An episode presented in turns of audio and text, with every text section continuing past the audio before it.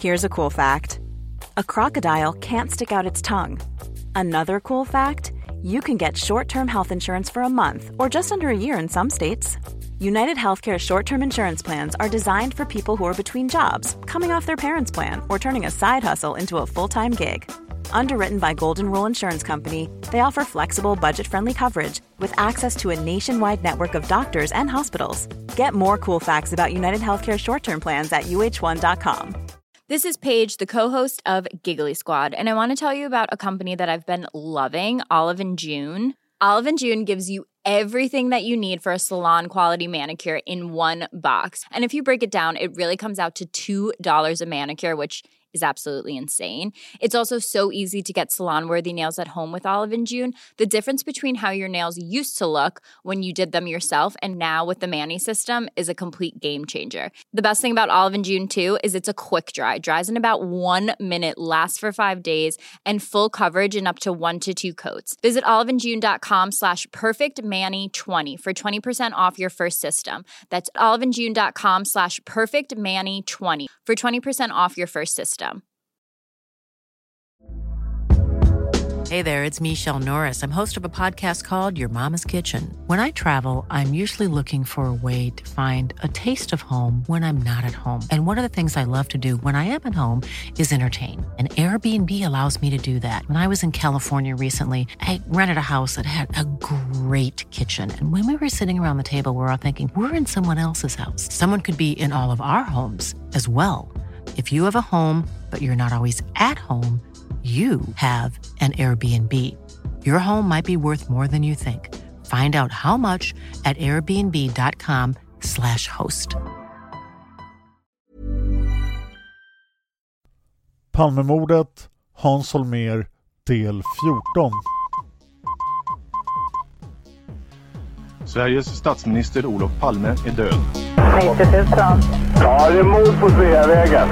Hörde de säger att det är Palme som är skjuten. Mordvapnet med säkerhet är en Smith Wesson, en revolver kaliber .357. Inte ett svar. Finns inte ett svar. För jag har inget. Och jag har inte varit Varför skulle jag Polisen söker en man i 35 till 40-årsåldern med mörkt hår och lång mörk rock. Välkomna till podden Palmemordet som idag görs av mig, Dan Hörning. Det här avsnittet är skrivet av David Oskarsson som också skrivit ett antal avsnitt till Seriemördarpodden, Massmördarpodden, Olösta mord och Mördarpodden. Det var era bidrag som gjorde att jag hade råd att hyra in David för att skriva även för Palmemordet. Om ni tycker att det är en bra idé eller om ni gillar den här podden i övrigt kan ni sponsra den på Patreon eller på Swish. Uppgifterna finns i avsnittstexten. Kom ihåg att polisspåret har sänkts till 470 dollar på Patreon så vi kanske kan få igång det igen snart. Om ni swishar en donation, markera den med Palmemordet och gärna med vilket spår ni vill höra. Det var efter det att Viktor Gunnarsson hade avskrivits som Hans Holmér kunde ta tag i det som skulle bli hans huvudspår. Och det hade funnits på agendan betydligt längre än vad Hans Holmér först låtsades om. Vi ska börja med att återge det som är Hans Holmers egen beskrivning av det som för första gången fick honom uppmärksam på det spår som skulle få namnet PKK-spåret. Informationen vi nu använder oss av är från Hans Holmers egen bok Olof Palme är skjuten, men i vår egen tolkning. Hans Holmer får en massa handlingar som rör PKK. Han bestämmer sig för att studera alla handlingar som kan ha med Palmemordet att göra, men han börjar med PKK. Och som ni hört tidigare i avsnitt så har PKK funnits med i bakgrunden hela tiden. Men nu kommer PKK att hamna i förgrunden. Tisdagen den 13 maj 1986 inkommer ett telefonsamtal till vaktroten halv tio på kvällen. Personen som ringer är en man som verkar berusad och han bryter på finska. Han uppger inte vad han heter, men han säger att han har viktig information. Det är exceptionellt viktig information som han måste delge spaningsledaren Hans Holmér ansikte mot ansikte. Det är alldeles för känslig information att ta över telefon. Mannen med den finska dialekten ombeds att infinna sig på polishuset av denna anledning och mot alla odds, enligt Holmér själv, dök mannen upp klockan 22 samma dag. Mannen presenterade sig enligt Hans Holmér som Anton Alm, men det är bara Holmers fingerade namn på personen i fråga, som i själva verket heter Seppo A. Seppo berättar att han är från Finland, men att han har varit bosatt i Sverige i 20 år. Seppo har nyligen avtjänat ett straff för häleri på lokalanstalten i Täby i Stockholms norrort. Straffet började avtjänas den 12 december 1985. Under sin vistelse i Täby satt han inlåst tillsammans med kurden Naif D och kroaten Miro B som kanske inte är helt obekant för lyssnare på Palmemordet. Naif D var intagen för grova narkotikabrott och Miro B satt för mord på Jugoslaviens ambassadör i Stockholm. Två veckor innan den 28 februari 86 då Olof Palme mördades hade Seppo skaffat fram två revolvrar av märket Smith Wesson åt Naif D. Naif D hade vid något tillfälle, möjligen vid transaktionen, sagt att han skulle ha vapnen till att mörda statsminister Olof Palme. När nyheter om mordet på statsministern nådde internerna på lokalanstalten blev Naif D och Miro B väldigt glada, enligt Seppo. Den 7 april 1986, lite mer än en månad innan Seppo nu uppsökt polisen, hade Seppo blivit frisläppt i Täby. Men kvällen innan frisläppandet hade Naif D och Miro B uttryckt uppenbara hot riktade mot Seppo. De hade bland annat visat honom fotografier som föreställde honom själv, som någon av dem eller någon annan lakej hade tagit av honom i smyg. Seppo fick veta av Miro B att fotografierna i fråga skulle kunna spridas bland många personer i händelse av att Seppo skulle tjalla om vapenköpet. Hans Holmér berättar vidare i sin bok om hur Seppo A därefter förhördes i flera dagar av polisen för att de skulle kunna försäkra sig om att det han sa faktiskt stämde och inte bara var en vild fyllehistoria. Vidare följer ganska färgstarka beskrivningar av Miro B och Naif D i Holmers bok. Framförallt av den första. Holmer beskriver Miro som en sorts kung på fängelset med väldigt omfattande maktprivilegier. Miro kunde till exempel förbjuda andra på fängelset att röka. Seppo var rökare, men på grund av Miro B såg han alltid till att endast röka utomhus och bara när Miro B inte såg honom. Miro fick enligt Seppo ofta permissioner och de använde han till körkortslektioner och maratonträning. När polisbanare en gång följde efter Miro B och skuggade honom under en av hans permissioner fick de se någonting som Hans Holmér beskriver på följande vis i sin bok. Citat. Han träffar en ljushårig kvinna i en björkdunge på norra Djurgården. Hon lutar sig vällustigt mot ett träd och drar upp sina vida kjolar. Efter en flåsande kärleksakt hoppar hon in i sin japanska personbil och kör från platsen. Det visar sig att hon arbetar på Täbyanstalten. Slutcitat. Notera alltså att kvinnan som Miro B hade en affär med jobbade på samma fängelse som han själv satt på. Vi ska nu redogöra för det vi säkert vet om Miro B och Naif D. Miro B föddes år 1950 i Socialistiska republiken Kroatien. Landet blev som vi känner det idag Kroatien först år 1991 efter att ha fått självständighet från Jugoslavien.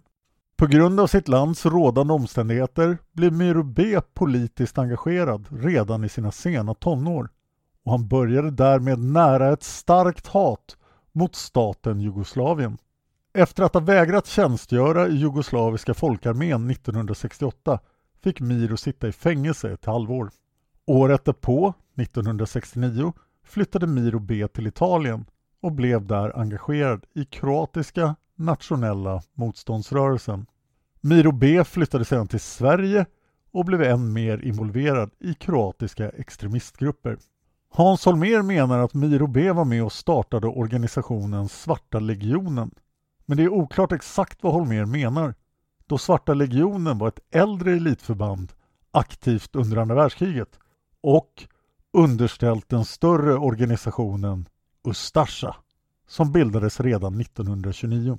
Möjligt är att Miro B och de andra medlemmarna bara tog namnet från den äldre organisationen eftersom de hade den som förebild.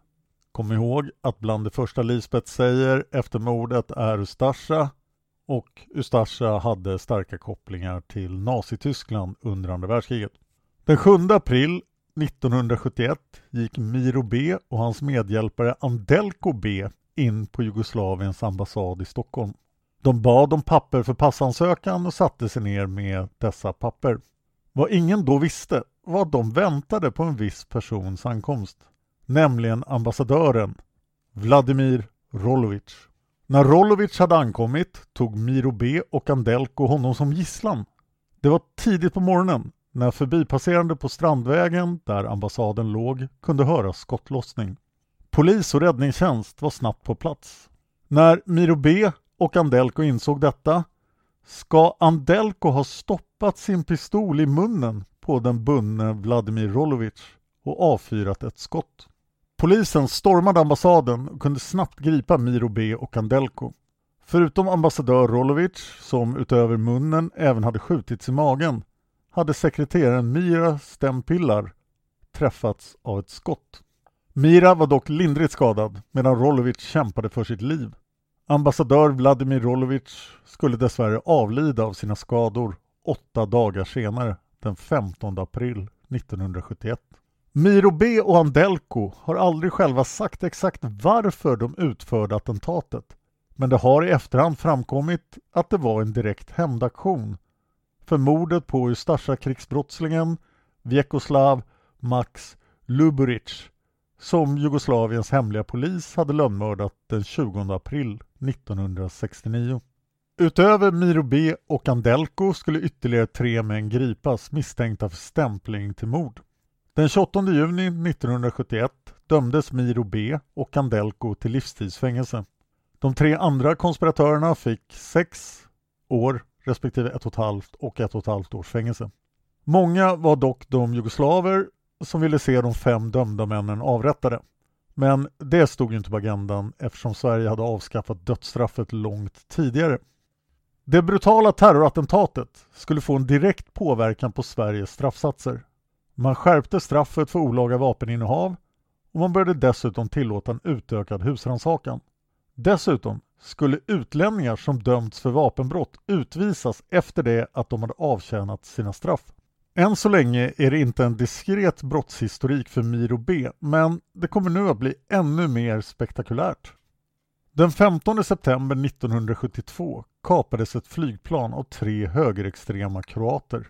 Planet hade varit fem minuter i luften på väg från Torslanda i Göteborg i riktning mot Stockholm när de tre attentatsmännen gav sig till känna. Utöver terroristerna befann sig fyra besättningsmän och 86 passagerare ombord på planet. Dessa hotades med att en bomb skulle spränga planet om de inte visade sig medgörliga. Så hur såg motivet ut för det här? De tre terroristerna var Ustasja-anhängare och de ville att de männen som hade dömts för attentatet mot Jugoslaviens ambassad året innan skulle släppas fria. Alltså Miro B och Andelko. Det kapade planet landade på Bulltofta flygplats i Malmö klockan 17.10 den 15 september 1972. Därefter påbörjades ett förhandlingsarbete med terroristerna. Miro B, Andelko och de övriga, sammanlagt sju stycken, lite oklart vilka de två andra var, kördes från fängelset till Bulltofta och utbyttes mot gisslan. Terroristerna fick också en halv miljon kronor.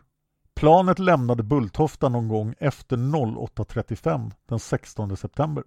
Det här är alltså den enda flygkapningen någonsin i Sveriges historia som har lyckats.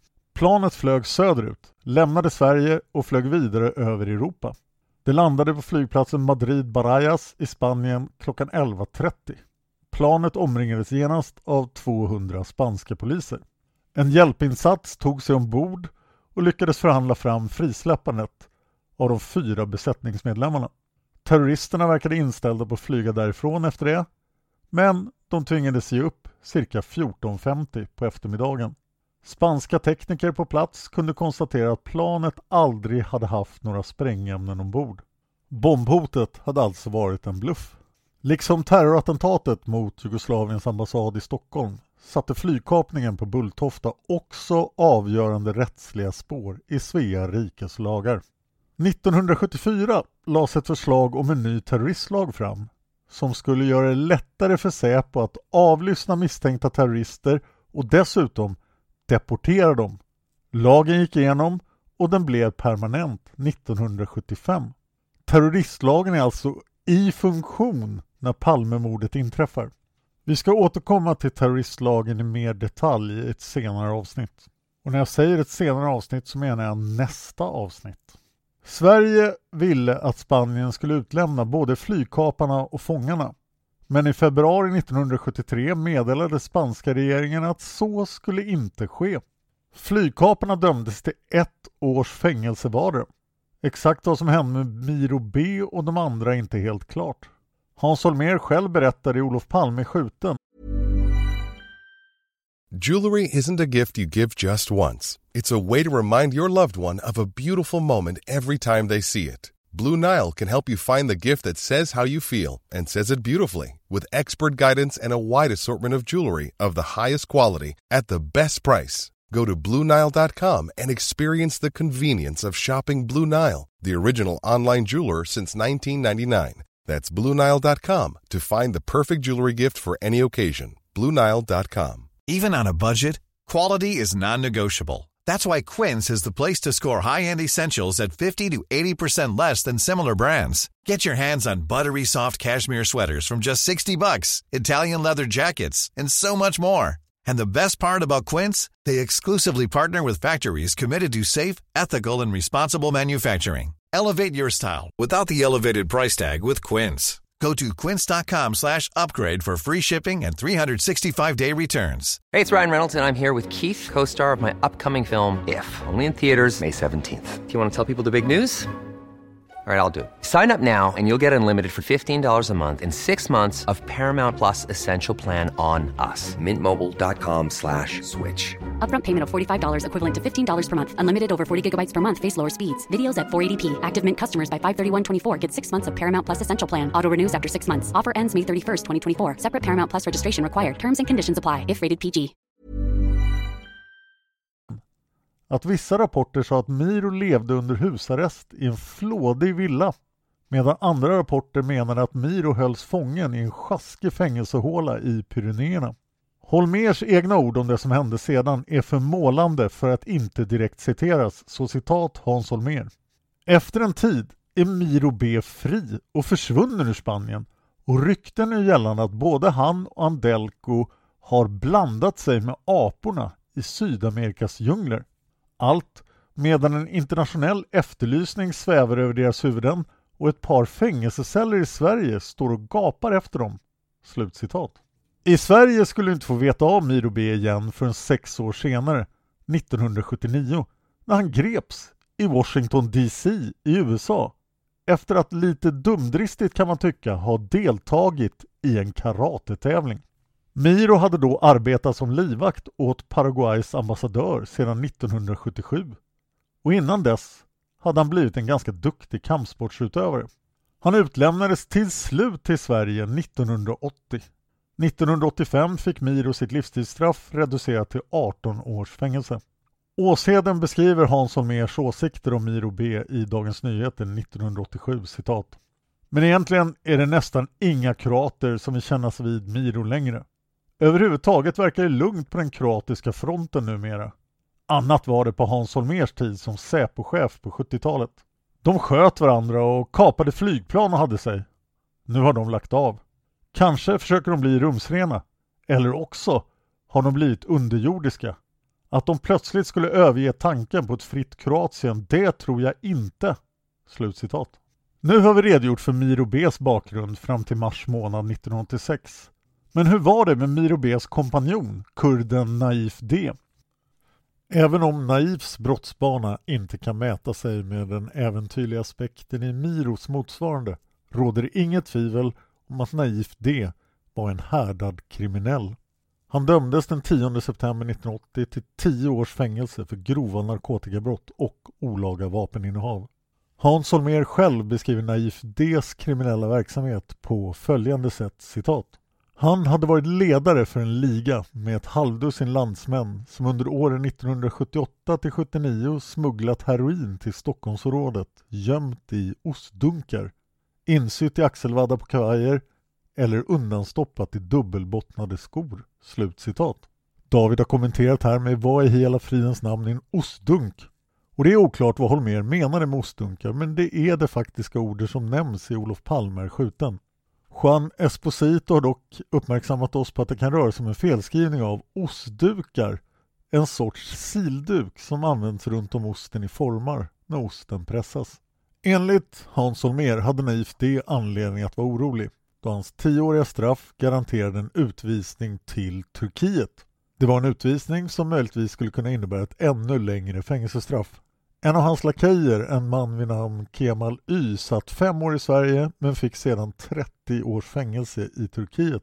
Holmer och spaningsledningen skulle senare få en längre redogörelse för hur Seppa hade skaffat fram vapnen åt Miro B. Och utöver det som Seppa hade berättat om hur Miro B hade sagt vad vapnen skulle användas till började växa fram en bild av ett starkt Palmehat som Miro B och Naif D hade gemensamt. Statsministern verkar för Miro och Naif ha fått stå för allt som var fel med Sverige. En manifestation av, som Hans Holmér själv uttrycker det, den svenska rättsapparatens illvilja och oförsonliga inställning. Men var i består då konspirationsteorin? Hur länkas Miro B och Naif D samman med PKK? Och vad är egentligen PKK? Ja, vad är PKK annat än ett spår som relativt få av er lyssnare sätter någon tilltro till idag? PKK förtjänar en ordentlig introduktion så vi ska nu tillgå granskningskommissionen eget uppslag om organisationen för att skapa en bild av vad det var för ett slags parti. Citat granskningskommissionen. Efter den turkiska statens bildande 1923 utsattes de i Turkiet bosatta kurderna för ett starkt assimileringstryck. Det kurdiska språket förbjöds, kurdiska ortsnamn ändrades till turkiska och kurderna kallades för bergsturkar. Detta ledde till starka reaktioner bland kurderna. Flera uppror slogs ner. Vid universitetet i Ankara tog den kurdiska frågan ny fart i mitten av 1970-talet. Vid den tiden samlade en student i statskunskap, Abdullah Öcalan, ett stort antal studenter runt sig i en grupp som kallades för Kurdistans revolutionärer. Genom denna grupp skapades organisationen PKK, Partia Karkeren Kurdistan, alltså Kurdistans arbetarparti. Målet för organisationen är en självständig, kommunistiskt präglad kurdisk stat under PKKs ledning, enligt granskningskommissionen.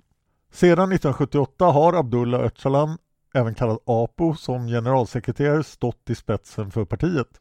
PKK styrs av generalsekreteraren, den under hans ledning arbetande politbyrån och centralkommittén. PKKs anhängare indelas i tre grupper. Sympatisörer, kaderaspiranter och kadrar. Kadrarna är fullvärdiga medlemmar som inte har någon möjlighet att utträda ur partiet. Dessa betraktar sig som professionella revolutionärer, bär ofta täcknamn och är försedda med falska personhandlingar. Kadrarna är skyldiga partiet total lydnad och måste utföra order utan kritik. Någon opposition inom partiet tolereras inte. Kritik mot generalsekreteraren eller brytning med partiet betraktas som förräderi. Slutcitat. Det här kan ni läsa på sid 623 i granskningskommissionens rapport. Hans Holmér ger i sin bok Olof Palme skjuten en liknande encyklopedisk genomgång av PKK. Men han följer upp den direkt med att tala om PKKs förehavanden i Sverige. Och de förehavandena är framförallt de beryktade avhopparmorden i Uppsala och Stockholm 1984 och 1985. Som vi precis berättade betraktade PKK en brytning med partiet som förräderi. Deras hårda inställning på den här punkten skulle bli det som ledde fram till deras potentiella motivbild för att mörda den svenska statsministern. Den 20 juni mördades PKK-avhopparen Enver Atta, även kallad Ali, på Stora torget i Uppsala. Enver Atta sköts flera gånger med pistol.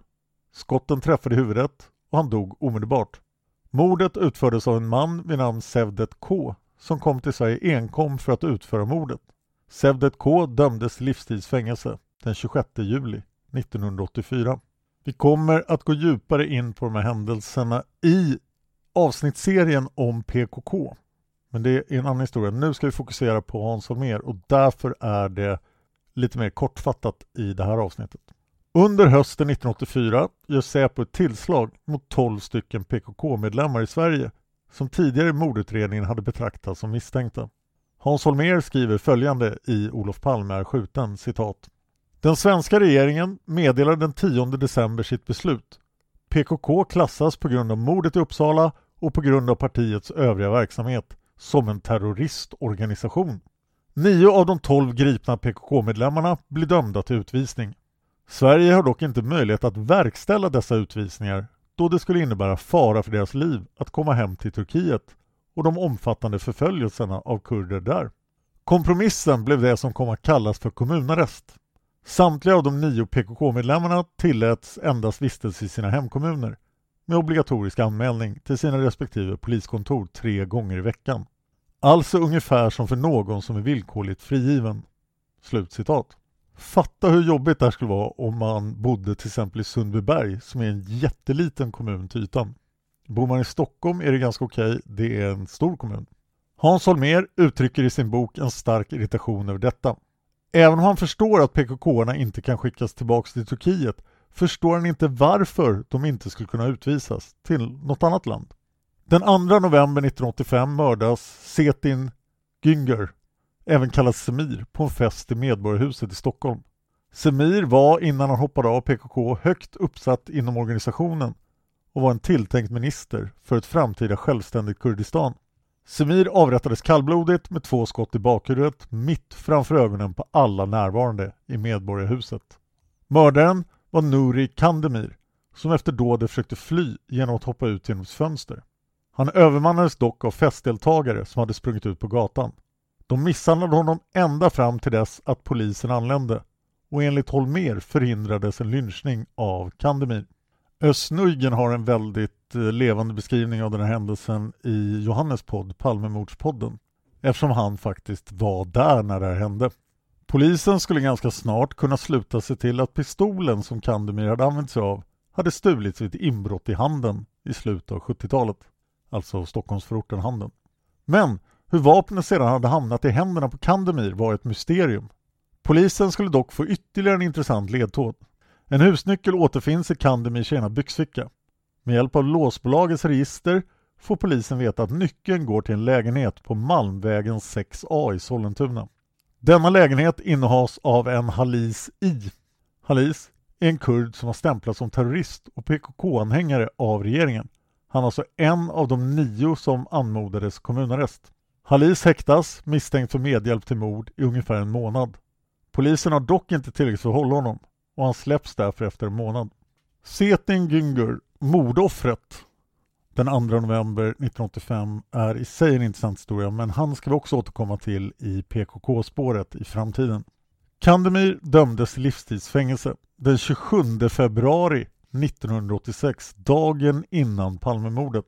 Han förnekade hela tiden att mordet var ett beställningsjobb från PKK men han hymlade inte med att det var politiskt motiverat och han hävdade att han hade agerat som en sann patriot. Så nu har ni den bakgrunden, nu tillbaka till den finske fulle mannen Seppo.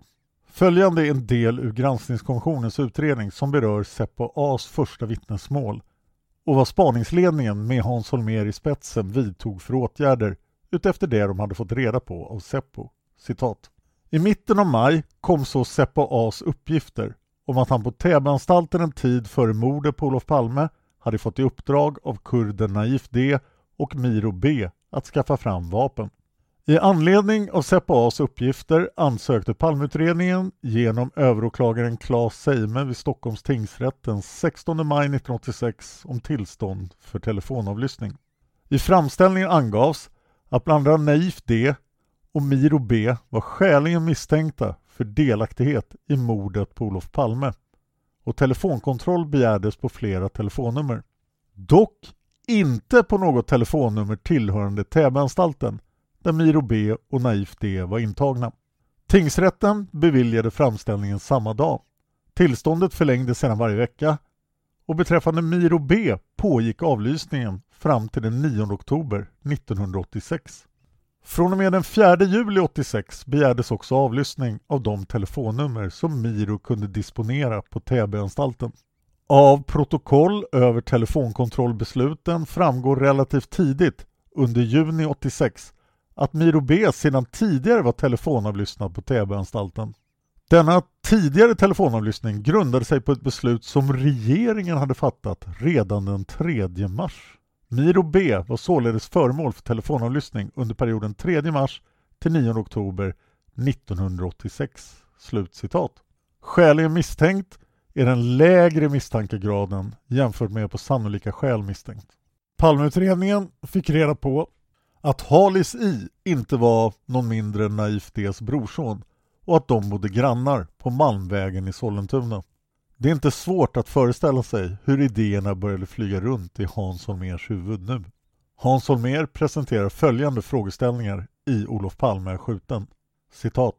Kan Naif D ha haft något eget motiv att röja Olof Palme ur vägen? Ville han hämnas? Eller sökte han desperat efter en metod att stoppa utvisningen av honom till ett ovisst öde i Turkiet? Var det därför som han bad Seppo att skaffa fram vapen? Vem hade den i så fall tubbat att utföra mordet?” Slutcitat.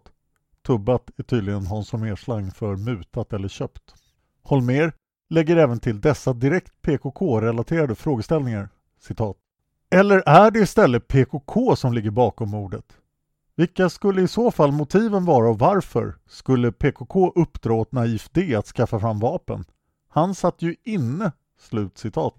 Till saken hör också att en särskild lokal blev väldigt intressant för Holmér. Det rörde sig om ett specifikt bokcafé som var en populär mötesplats för PKK-anhängare. Denna var dessutom en av platserna som hade varit buggad innan Hans Holmér gjorde PKK till Palmeutredningens huvudspår. Det var en viss detalj med lokalen som gjorde den särskilt intressant, nämligen var den låg. Det kurdiska bokcaféet fanns på David Bagares gata, väldigt nära den sista platsen där vittnen såg Olof Palmes flyende baneman. Vi går förbi bokcaféet och jag brukar peka på det vid varje Palmevandring. Det här är alltså rötterna till det så kallade PKK-spåret. Det här är indicierna som fick de holmerska kugghjulen att börja snurra i en svindlande fart. Åtminstone enligt Hans Holmér själv.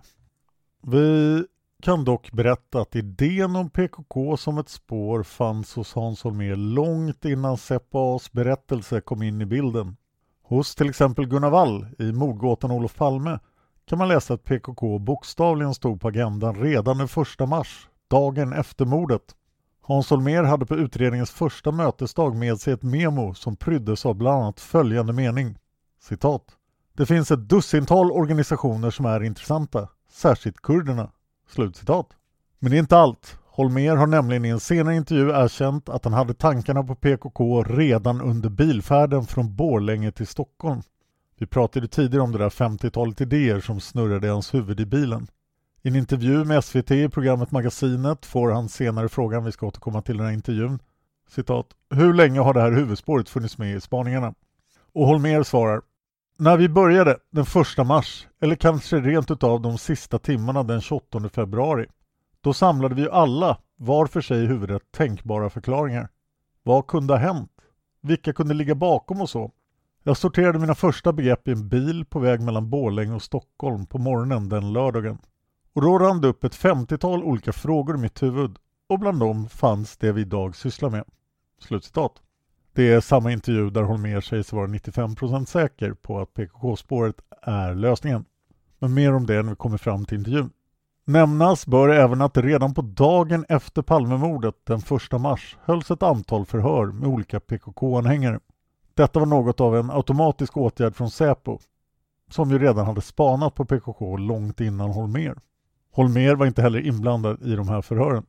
Här kan det vara på sin plats att introducera Jan Henrik Barling. Han är en kriminalinspektör på Säpo och Gunnar Wall skriver följande om honom i mörkläggning på sid 138 citat. Barling var i flera år Säpos specielle PKK-expert. Han hade en nyckelroll under Holmers arbete med huvudspåret och han krönte sin Säpo-karriär med att bli rådgivare till Ebbe Karlsson. Slutcitat. Barling kommer återkomma i de här avsnitten och även i PKK-spåret. Det var inte bara Seppo A's vittnesmål och bokcaféet som fick Kolmers kugghjul att börja snurra. Det var även de beryktade Bröllopssamtalen. Bröllopssamtalen var telefonsamtal som hade avlyssnats av Säpo i och med att PKK-anhängarna som satts i kommunarrest betraktades som reella hot. Den 27 februari 1986, en dag innan mordet på Olof Palme, ringde den dåvarande Säpochefen Sven-Åke Hjälmroth, född 1930, död 2016, upp Ebbe Carlsson, enligt Ebbe Carlsson. De två är vänner. Faktum är att det var Ebbe Carlsson som rekommenderade Hjälmroth till posten som Säpochef och alltså Hans Holmers efterföljare på den positionen. Ebbe och Hjälmroth samtalar om lite allt möjligt. Men Holmer berättade i Olof Palme skjuten att Ebbe som gammal journalist inte kunde låta bli att pumpa Säpochefen när han hade chansen. Ebbe frågade hur Hjälmroth hade det och Hjälmroth svarade citat Bra, men jobbigt. Kurderna pratar om bröllop och vi vet att det betyder mord. Men vi vet inte vem de tänker mörda. Slut. Even when we're on a budget we still deserve nice things. Quince is a place to scoop up stunning high-end goods for 50 to 80% less than similar brands. They have buttery soft cashmere sweaters starting at $50, luxurious Italian leather bags, and so much more. Plus, Quince only works with factories that use safe, ethical, and responsible manufacturing. Get the high-end goods you'll love without the high price tag with Quince. Go to quince.com/style for free shipping and 365-day returns. Citat. Det sa han alltså dagen innan Palmemordet. Holmer fick kännedom om bröllopssamtalens existens någon gång tidigt i utredningen när han stod i köket hemma hos Ebbe Carlsson där han ju bodde ett tag på grund av att han låg i skilsmässa från sin andra hustru. Holmer stod och stekte svamp, eller om det var Ebbe som stekte svampen, beskrivningen i Holmers bok är inte jättetydlig. Och då berättade Ebbe om bröllopssamtalen. Holmer viftade enligt honom själv bort det som Ebbe sa. Holmer ansåg att det var oviktigt för utredningen just då. I Olof Palme skjuten passar Holmer taktiskt på att förklara att han viftade bort Ebbes utsago för att han ville slå ifrån sig det som hotade låsa fast mina tankar eller begränsa min idéflykt, som han själv uttrycker det. Man måste då komma ihåg att boken i fråga skrevs efter det att Holmer hade avgått som spaningsledare och efter en ganska enorm kritikerstorm mot honom. Och kritiken rörde huvudsakligen att han hade snöat in på PKK-spåret. Vi kommer tillbaka till allt det där senare i den här serien. Man kan ju då undra om det där med att undvika en fastlåsning av tankarna var en efterhandskonstruktion. Rent dramaturgiskt är det ju dessutom något av en rysare om man är med på Holmers huvudspår. I detta skede var han alltså enligt honom själv praktiskt taget i färd med att avskriva hela huvudspåret. Granskningskommissionen tittade på det här och deras rapport förklarar att det är oklart exakt när Holmer började arbeta med bröllopssamtalen som en viktig del i PKK-spåret. I sin egen bok väljer Hansson med att säga att det var tidigt under sommaren 1986 och att materialet som spaningsledningen granskade var inspelade avlyssningar ända sedan december 1984. Gunnar Wall har förstås tänkt på den här saken och man kan läsa på sid 153 i Mörkläggning följande citat. Fick Hans Holmér kännedom om bröllopssamtalen på ett tidigt stadium av mordutredningen? Ja, enligt hans egna uppgifter fick han det någon gång i mars långt innan han valde att satsa på PKK-spåret. Och den som rapporterade om saken för honom var ingen annan än hans gode vän Ebbe Carlsson som själv tyckte att PKK borde få hög prioritet i spaningarna. Ebbe har berättat att han var i Paris på besök hos sin vän ambassadören Carl Lidbom när Palme sköts och i konstitutionsutskottet sommaren 88 hävdade han att han associerade till PKK redan under natten när han fick beskedet om vad som hade hänt i Stockholm. Så här sa Ebbe. Så fort jag hörde att Olof Palme hade mördats tänkte jag på ett samtal jag dagen dessförinnan hade haft med dåvarande Säpochefen Sven-Åke Hjälmroth. Hjälmroth ringde mig till förlaget i ett bokärende. Jag frågade honom då, eftersom jag var nyfiken, hur det allmänna läget var. Han svarade Vi har bekymmer med kurderna. De har sagt på linjen att de ska hålla bröllop vilket som du vet betyder att de planerar ett mord. Vi kan inte räkna ut vem de avser att mörda. Läskiga typer de där. När Ebbe drygt två år efter mordet gick ut offentligt med denna tämligen sensationella redogörelse var det i samband med att han drev en tes i två led. Ebbe sa att Säpo hade åsidosatt Palmes säkerhet trots klara signaler om en hotsituation och att man sedan avsiktligt saboterat mordutredningen för att dölja sitt eget ansvar för att ett attentat hade kunnat inträffa. Om det ovan beskrivna samtalet från Hjälmroth verkligen har ägt rum ger det visst stöd åt i alla fall första hälften av Ebbes resonemang. Men när Hjälmroth själv framträdde i KU tillbakavisar han rätt kategoriskt Ebbes berättelse. Slut citat. Det som däremot är klart är att Hjälmroth faktiskt kände till bröllopssamtalen då men han hävdar att han inte har berättat om för Karlsson den 27. Gunnar Wall säger vidare på sid 154 i mörkläggning citat Frågan är bara, skulle Säpo-chefen ha skvallrat med en förlagsdirektör på Bonniers om denna känsliga fråga?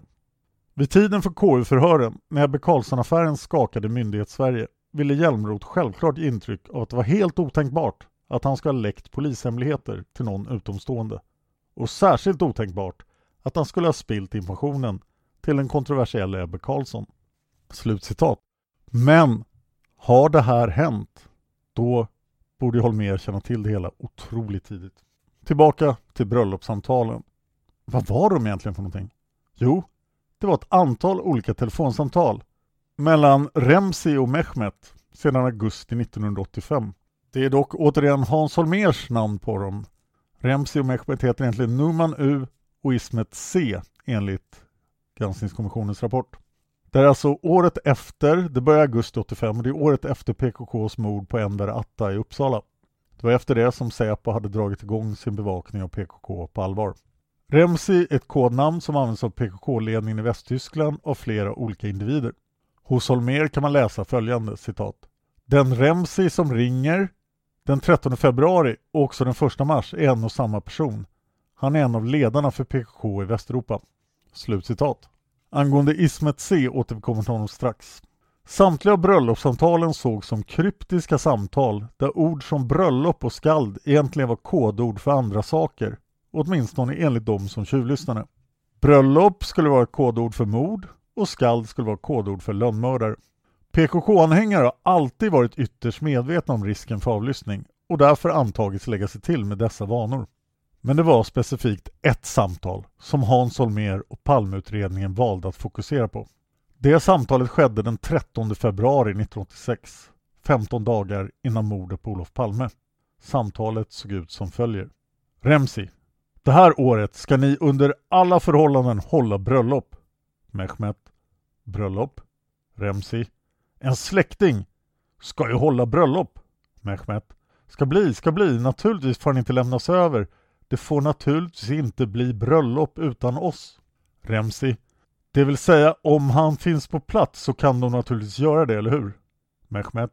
Herregud, vi kan ställa till med bröllop på gatan. Det här bröllopet, ska vi ställa till med det? Remsi. Naturligtvis, naturligtvis. Mehmet. Det här bröllopet får inte bli kvar. Vi ska ställa till med det, vad som än händer. Remsi. Naturligtvis, naturligtvis. Holmer höll det även för misstänkt att PKK redan den 3 mars, tre dagar efter Palmemordet, utannonserade att de var oskyldiga till det på propagandapapper som spreds i Västtyskland. Varför skulle de göra det? frågar sig Hans Holmér. Och varför i all sin dar skyller de i flygbladet på CIA, Mossad och turkiska MIT, alltså turkiska säkerhetstjänsten? Hur kunde PKK så kort efter mordet veta vilka som låg bakom det?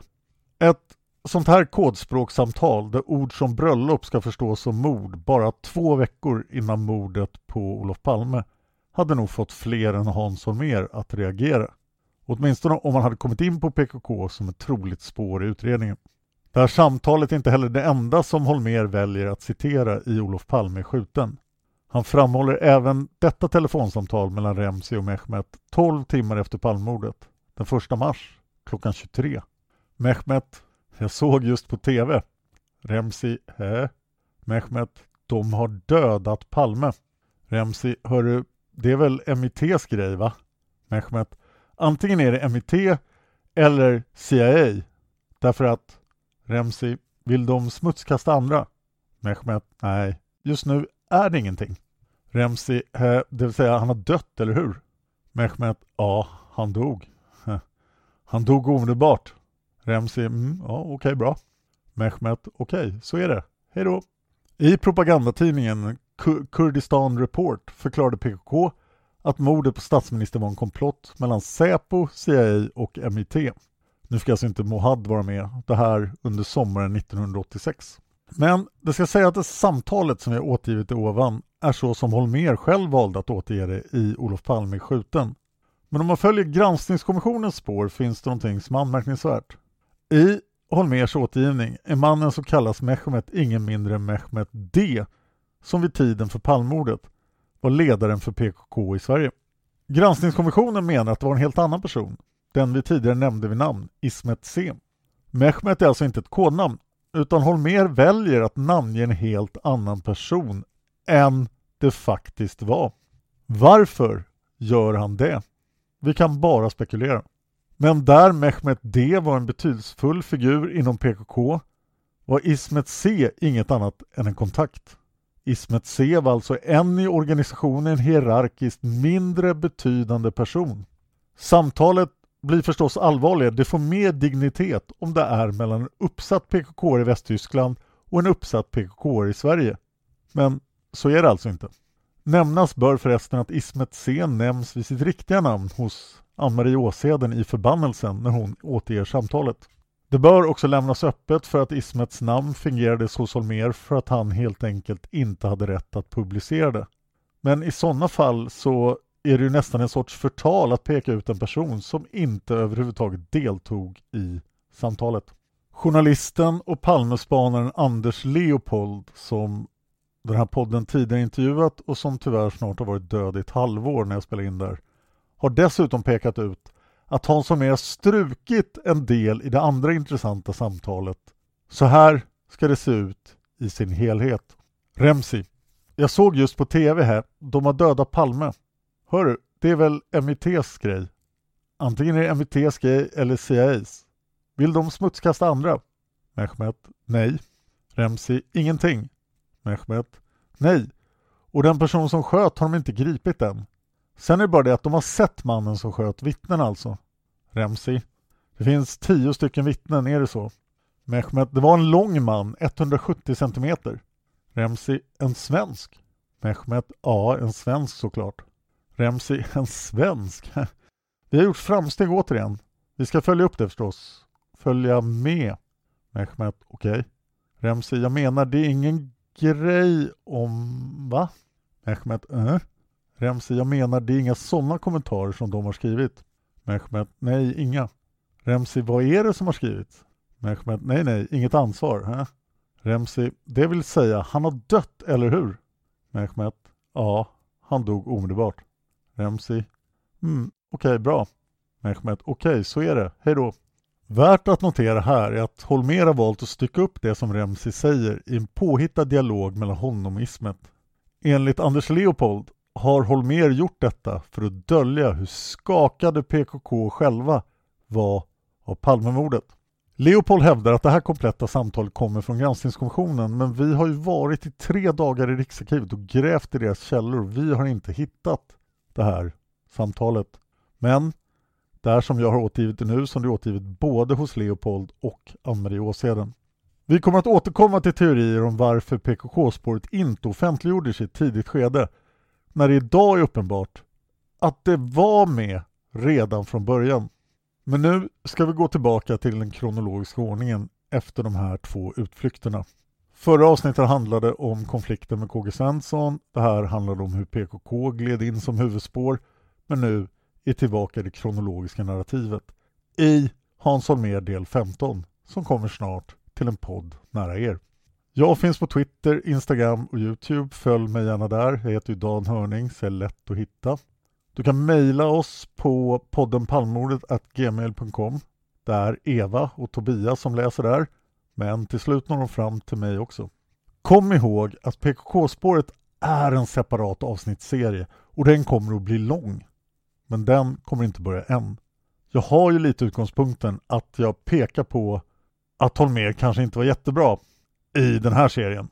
Men i PKK-spåret kommer vi att gå PKK på djupet. Jag kommer att tro på spåret som jag brukar försöka göra när jag gör ett spår. Och Hans Holmér kommer att vara en hjälte. Tack till alla som sponsrar podden på Patreon eller Swish. Det betyder oerhört mycket för oss. Studio Palmemordet på Facebook låter oss posta avsnitten där efter att vår egen Facebook-sida försvann. Så följ gärna Studio Palmemordet på Facebook. Som ni har märkt finns det ingen ljudfil i det här avsnittet. Det beror på att det börjar ta slut som jag nämnt tidigare. Men det kommer lite mera i framtiden. De sista filerna måste ni vänta ända till Operation Alpha för att få höra. Om du lyssnar på den här podden på ett Apple-device, lämna gärna en iTunes-recension. De kommer bli lästa i podden förr eller senare. Tack till Lukas för musiken. Tack till expertgruppen, vår jurist och researchassistenter. Tack till Juan Esposito som har faktagranskat det här avsnittet.